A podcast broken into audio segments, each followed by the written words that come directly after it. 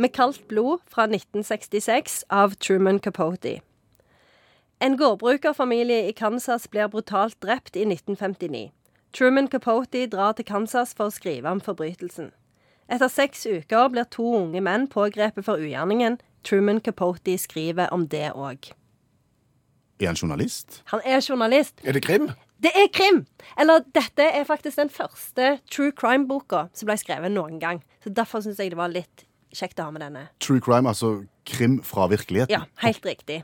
Og det er faktisk den nest mest solgte true crime-boka i verdenshistorien. Den eneste som har solgt mer, det er en sånn bok som ble skrevet av Manson-familien på 70-tallet. Huh. Så det som skjer, det er at eh, Truman Capote han er eh, journalist fra, fra New York. God venn med Harper Lee, som også har skrevet ei veldig berømte bok. Reiser de til Kansas for å eh, skrive om denne forbrytelsen. Til avisa? Ja. Og så blir han værende, og så når de tar disse eh, to eh, unge mennene da, og fanger de, så begynner han å intervjue de, og så blir det til denne boka. Så det er liksom ei bok som er delt inn i eh, Du får liksom høre litt eh, stemmene til de som er døde, og får høre liksom hva som skjedde. Du får høre om nåtida, og om de to som har gjort det, og så får du høre om liksom de, de som bor i den byen der så dette skjedde.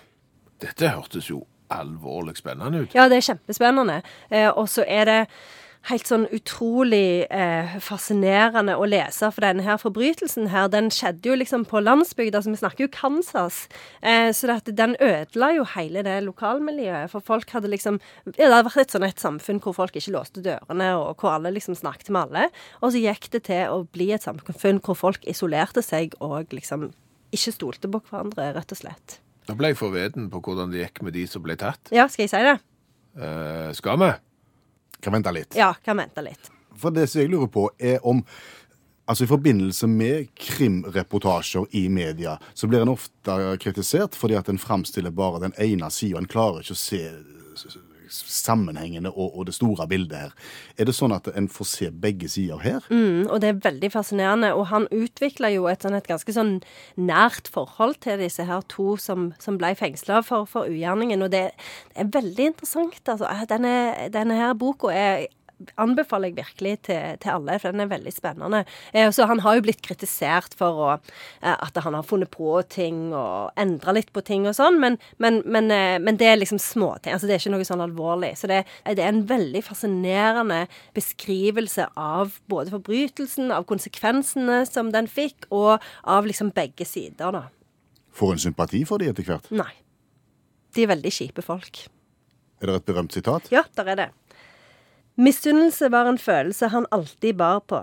Fienden var den som var noe han ville være, eller hadde noe han ville ha. Hvordan gikk det med de? Det gikk ikke bra. Det gikk ikke ikke bra. Det gjorde ikke det. sånn som det gjerne går i USA med ja, OK. Ja, det er den, det er ned den gangen der. Ja, OK.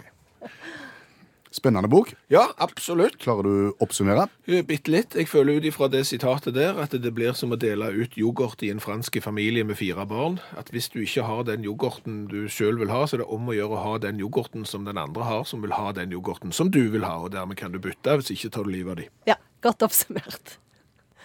Er dette erfaringen du har eh, tatt med deg som au pair i Frankrike? Merkte du det? Ja. ja det stemmer.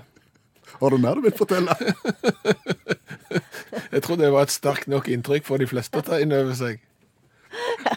Jeg syns du traff det veldig på kornet. Det har litt vekst sånn frysninger på ryggen.